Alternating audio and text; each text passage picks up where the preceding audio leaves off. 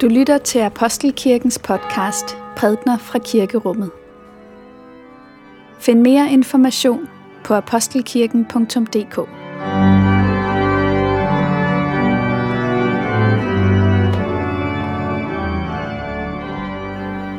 God morgen og øh, velkommen til gudstjeneste her i Apostelkirken.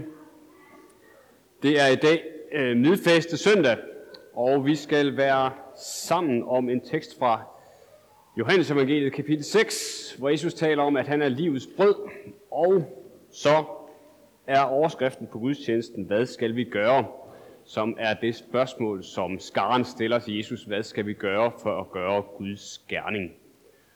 Øh, og så er det spændende så, hvad, hvad Jesus svarer, og hvordan vi skal stille os i forhold til det, hvad skal vi gøre? Det er Johnny, der skal prædike for os i dag. Vi læser fra Johannes evangeliet kapitel 6. Da skaren nu så, at Jesus ikke var der, og hans disciple heller ikke, gik de ombord i bådene og kom til Kapernaum og ledte efter Jesus. Og da de fandt ham på den anden side af søen, sagde de til ham, Rabbi, hvornår er du kommet hertil? Jesus svarede dem, Sandelig, sandelig siger jeg jer, I leder ikke efter mig, fordi I fik tegn at se, men fordi I fik brød at spise og blev mætte.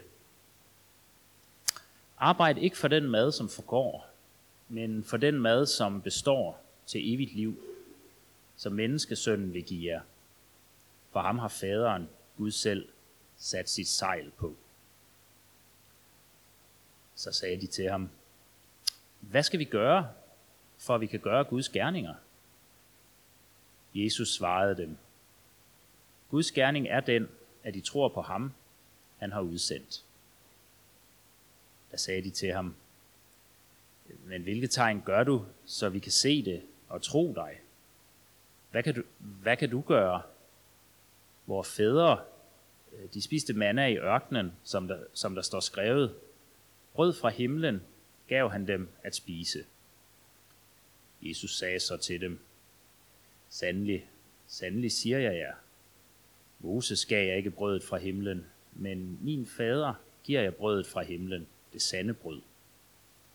For Guds brød er det, der kommer ned fra himlen og giver liv til verden. De sagde til ham, Herre, giv os altid det brød. Jesus sagde til dem, Jeg er livets brød. Den, der kommer til mig, skal ikke sulte, og den, der tror på mig, skal aldrig tørste. Men som jeg har sagt til jer, I har set mig, og I tror ikke. Alt, hvad faderen giver mig, skal komme til mig, og den, der kommer til mig, vil jeg aldrig vise bort.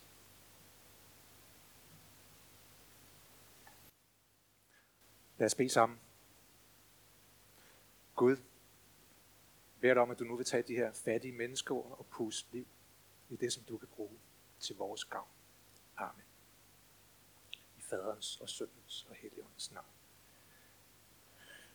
Hvis du synes, at dagens tekst hænger og svæver lidt i luften sådan ud af kontekst, så har du fuldstændig ret.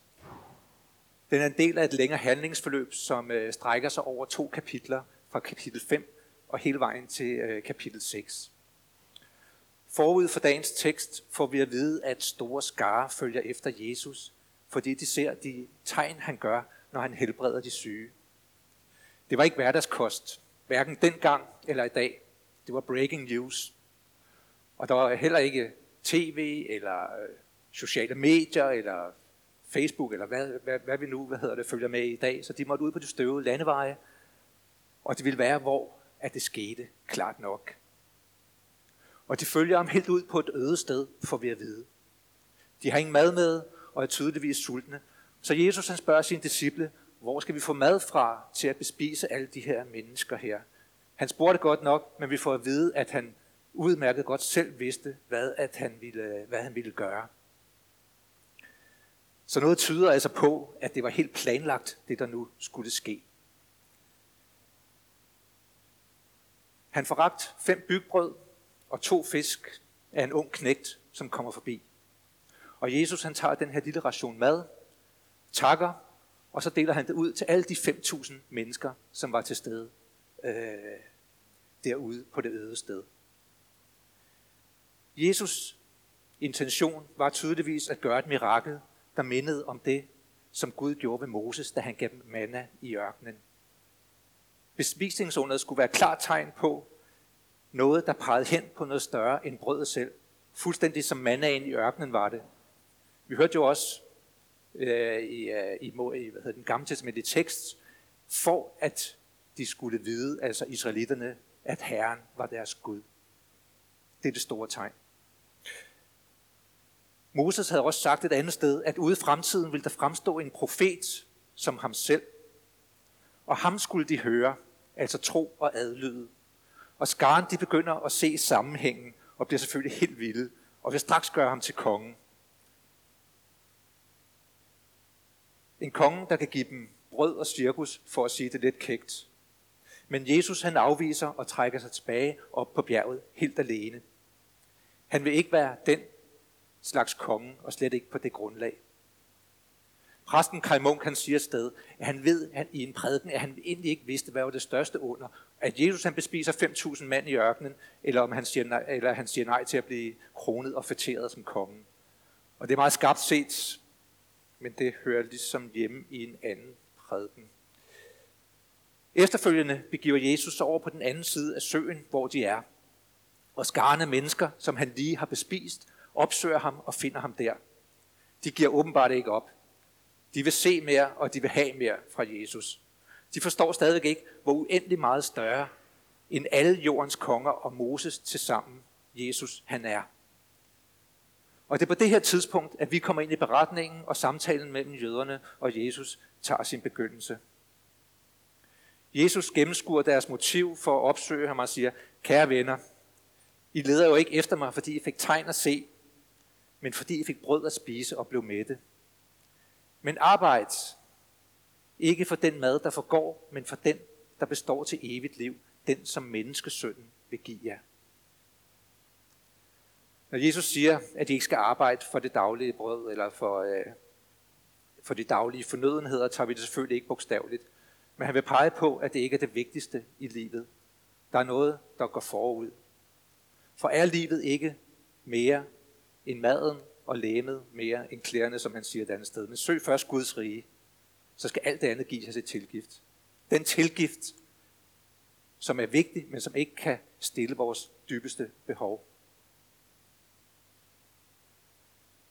Så det er dumt at lade det være det styrende fokus og have første prioritet. Og det begynder så småt at dæmme for dem, hvor de vil hen. Og nu stiller de et rigtigt spørgsmål. Hvad er det, at Gud vil have, at vi skal gøre? Hvad skal vi gøre for at gøre Guds gerninger? Og Jesus svarer dem, at Guds gerning er, at de tror på ham, han har udsendt. Altså, Jesus, vores fædre, de spiste manna i ørkenen hver dag i 40 år. Du bespiser os en dag, og så forsvinder du. Vis os noget mere, så vi kan tro på, hvem du er. Jesus svarer så, at Moses ikke gav dem det virkelige brød fra himlen, for Guds brød er det brød, der kommer ned fra himlen og giver liv til verden.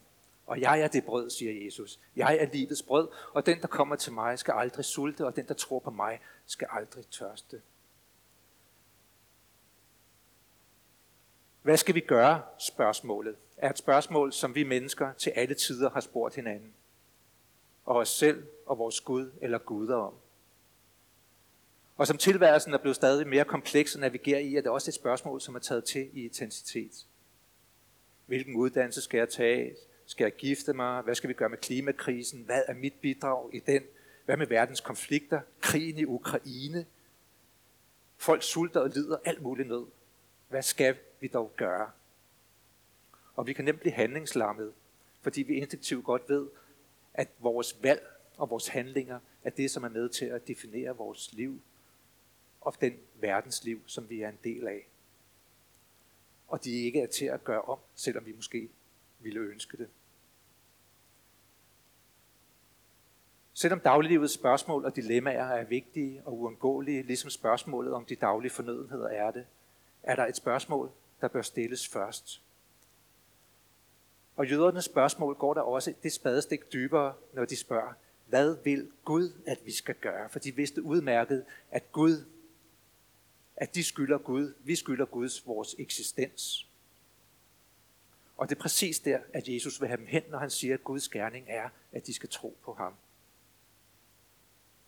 Altså, hvad vil Gud, at vi skal gøre? Det er et vigtigt spørgsmål. Men der er igen et endnu vigtigere.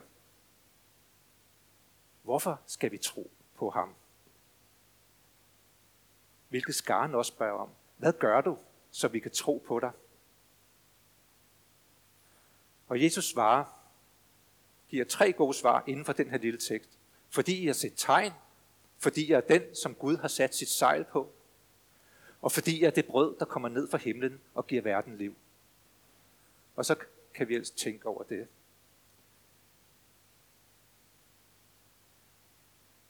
Hvorfor spørgsmålet er vigtigt, fordi at det er det, som giver drivkraft og retning i vores gøren og laden. Ellers er vi helt sikre på at løbe surt i det. Brød, denne taglige, noget taglige fattigmandsspise, er hvad Gud sammenligner sig med. Altså ikke guld og diamanter og universets storhed. Og alligevel kunne der ikke bruges et bedre udtryk. Brød, altså føde, er en nødvendighed for, at vores kroppe kan fungere, og vi kan leve vores liv. Og ligesom vores læme har brug for føde, så har vores indre menneske det også. Og Jesus han siger vildt nok, at han er den mad, som vi dybest set er afhængige af. Og som det vi spiser bliver optaget i vores kroppe og forudsætter kroppens funktioner, sådan vil Jesus ved Helligånden også leve i os i sin kirke, fordi at vi er hans krop på jorden. Når vi kommer til Jesus, får vi del i det brød. Så enkelt og så tavligt. Ingen store fakter, ingen imponerende kirkebygninger, ingen dybsindige ritualer er i udgangspunktet nødvendige. Og alligevel så rigt, fordi at vi får del i det største. I den største. Og hvad det betyder, og hvilke implikationer det har, kan vi så bruge resten af vores liv på at udforske. Og hvor stort er det lige? Det jeg egentlig stoppede op ved, hvad hedder det, i dagens tekst, det er det her med, at, øh, at vi ved, at troen er Guds gave. At det er den, som lader os gribe om ham, som allerede, allerede har grebet os, og som aldrig slipper sit tag. At troen er det, som tager mod Guds rige med åbne hænder. Altså gave af liv er det. Og alligevel så siger Jesus i, hvad hedder det, i dagens evangelium, at vores arbejde er at tro. Og hvordan hænger det sammen? Måske fordi Guds brød ikke er en ting, men en person. Tro er i altså den forstand før noget andet en relation. Og på den måde ligner troen kærligheden. Og kærligheden fordrer noget af os, ligesom en relation gør. Den fordrer en gensidighed. Ikke sådan, at det er vores tro, der opretter relationen. Den er allerede givet på forhånd af Gud. Det kan vi være sikre på. Hvis vi elsker, så er det fordi, at han har elsket os først. Troen er altså levende. Den griber og modtager det, som vi ikke kan sige os selv. Det vi ikke kan tænke os frem til. Det som vi ikke kan arbejde os frem til. Men det er også i troen, at vi kan begynde at sige noget om, hvad det vil sige at være menneske. Vi kan begynde at tænke over, hvad vil det sige at være menneske, og vi kan begynde at arbejde på, hvad det vil sige at være menneske i den her verden, skabt i hans billede og grebet af ham. Altså, der hvor vi hen, det er, at troen involverer og omfatter hele vores tilværelse. Det er ikke sådan troens ting. Jeg kan huske, da jeg i sin tid øh, kom til tro, Gud kom ind i mit liv med 100 km i timen, så troede jeg først, at jeg på en måde var blevet løftet ud af den her verden her. Det er måske noget, der ligger til os, der er kommet til tro i en, i en sen alder. Men altså den her trivielle hverdag, at Guds virkelighed egentlig ikke hørte rigtigt til her, den hørte hjemme på, øh, på et højere plan.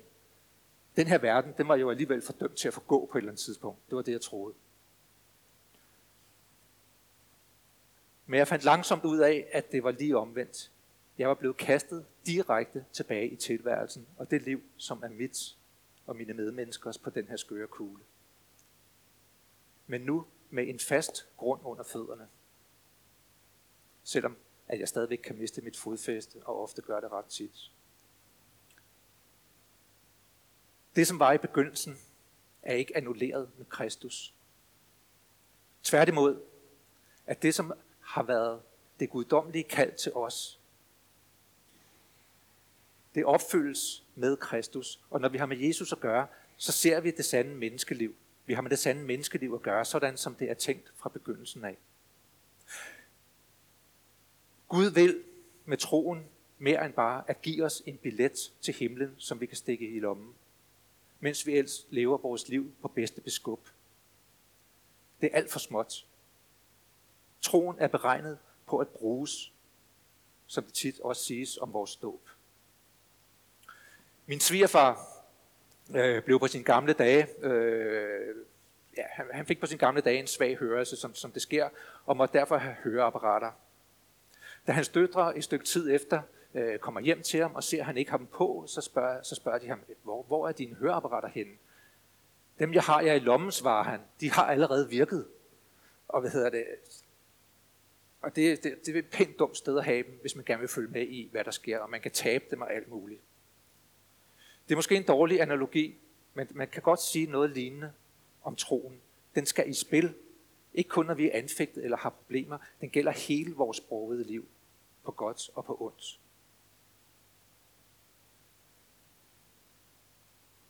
En anden triviel analogi, kan man sige, det var, at her forleden dag, der opsøgte jeg min læge.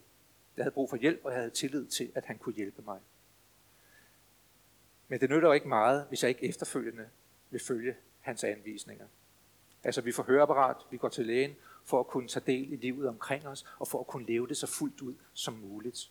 Og det samme kan sige som troen, den sætter os fri til at leve livet hen imod fuldt ud.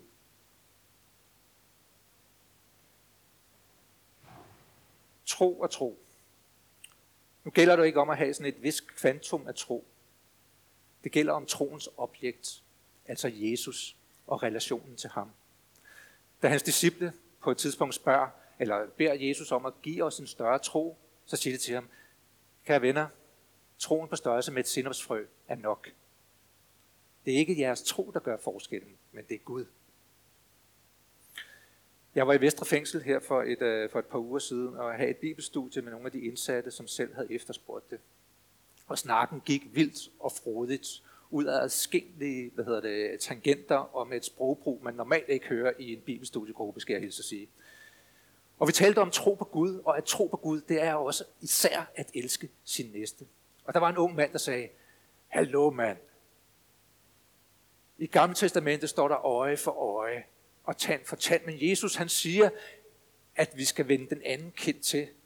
Altså Johnny, vi er jo bare mennesker. Hvis nogen gør mig fortræd, så bliver jeg nødt til at gøre gengæld. Altså, det er, jo, det er jo et herligt sted at starte. Der er ikke meget forstillet fromhed der.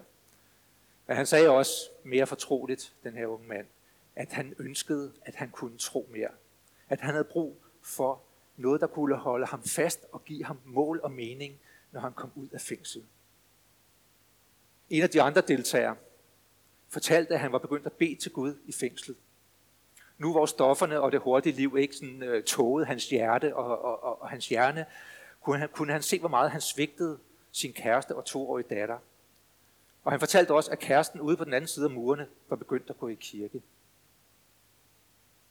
Disse for os måske at se små spæde skridt er også tro. Hvor uformuleret og vag den end må være.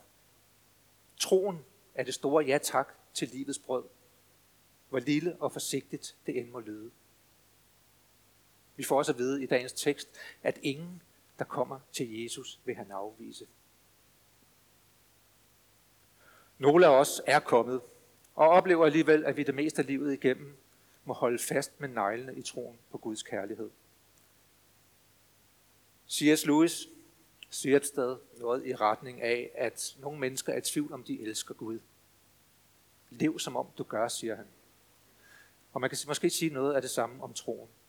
Nogle af os tror, at vi ved ikke, om vi tror nok. Tror vi rigtigt på Jesus? Lev som om vi gør. Ikke for at leve op til eller tiltrække hans kærlighed og virke i vores liv. For vi kan være helt sikre på, at når vi først har ragt Jesus en lille finger, så er han i gang med at tage hele armen og vores hjerte med. Han giver ikke slip. Jeg sagde i starten, at Jesus ikke svarede på, hvad vi skal gøre i dagligdagens store og små udfordringer og spørgsmål. Men at han går dybere. Men det er faktisk ikke helt sandt. Det er faktisk ikke sandt. Hele humlen er jo, at han er hele livets Gud. Når vi forenes med ham ved hans ånd, kan vi begynde at leve liv og træffe valg, som i høj grad har med den her verden at gøre. Altså, hvad skulle den ellers have med at gøre, vil jeg sige? Det er midt i vores dagligdag, at Gud er at finde og vil virke i os og igennem os. Uanset hvor småt og skrøbeligt og dumt vi må komme til at gøre det. Vi kommer ikke i nærheden af det perfekte. Vi kommer til at opføre os som idioter. Men det er okay, fordi Jesus kom ikke for at prise og takke de vellykkede og de velbjergede, men for at opsøge og frelse det fortabte. Alt sand Gud, eller alt sand kristendom starter i nederlag. Jeg tror, det var Stanley Jones, der sagde sådan. Og det er rigtigt, uanset om den er erkendt eller erfaret. Om lidt, så skal vi fejre nadver sammen. Disse små oblater, hvor taglige de end er. Altså virkelig taglige, hvis I spørger mig. Men de formidler det største. Og det kan godt være, at man i løbet af årene har pakket det øh, sakramentet ind i guld, i røgelse og meget højtidlighed. Og sikkert med god grund. Men den første nadverfejring var et aftensmåltid omkring et spisebord i et helt almindeligt hus. For det her, at livets brød følger sig hjemme, midt i dagligdagens opture og nedture, ude blandt almindelige mennesker, som sulter, tørster og længes efter det liv, som kun det levende brød, som er kommet ned fra himlen, kan give.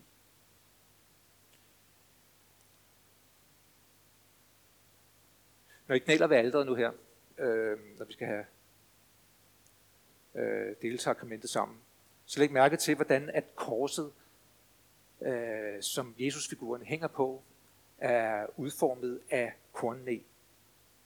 Det er jo ikke nogen tilfældighed.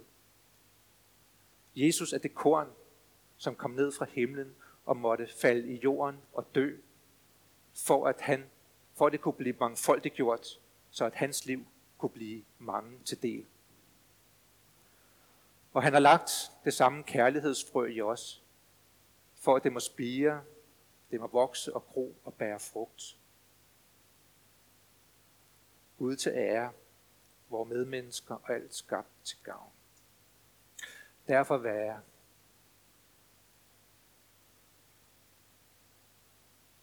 Ja, derfor er, er være Gud, Fader, Søn og Helligånd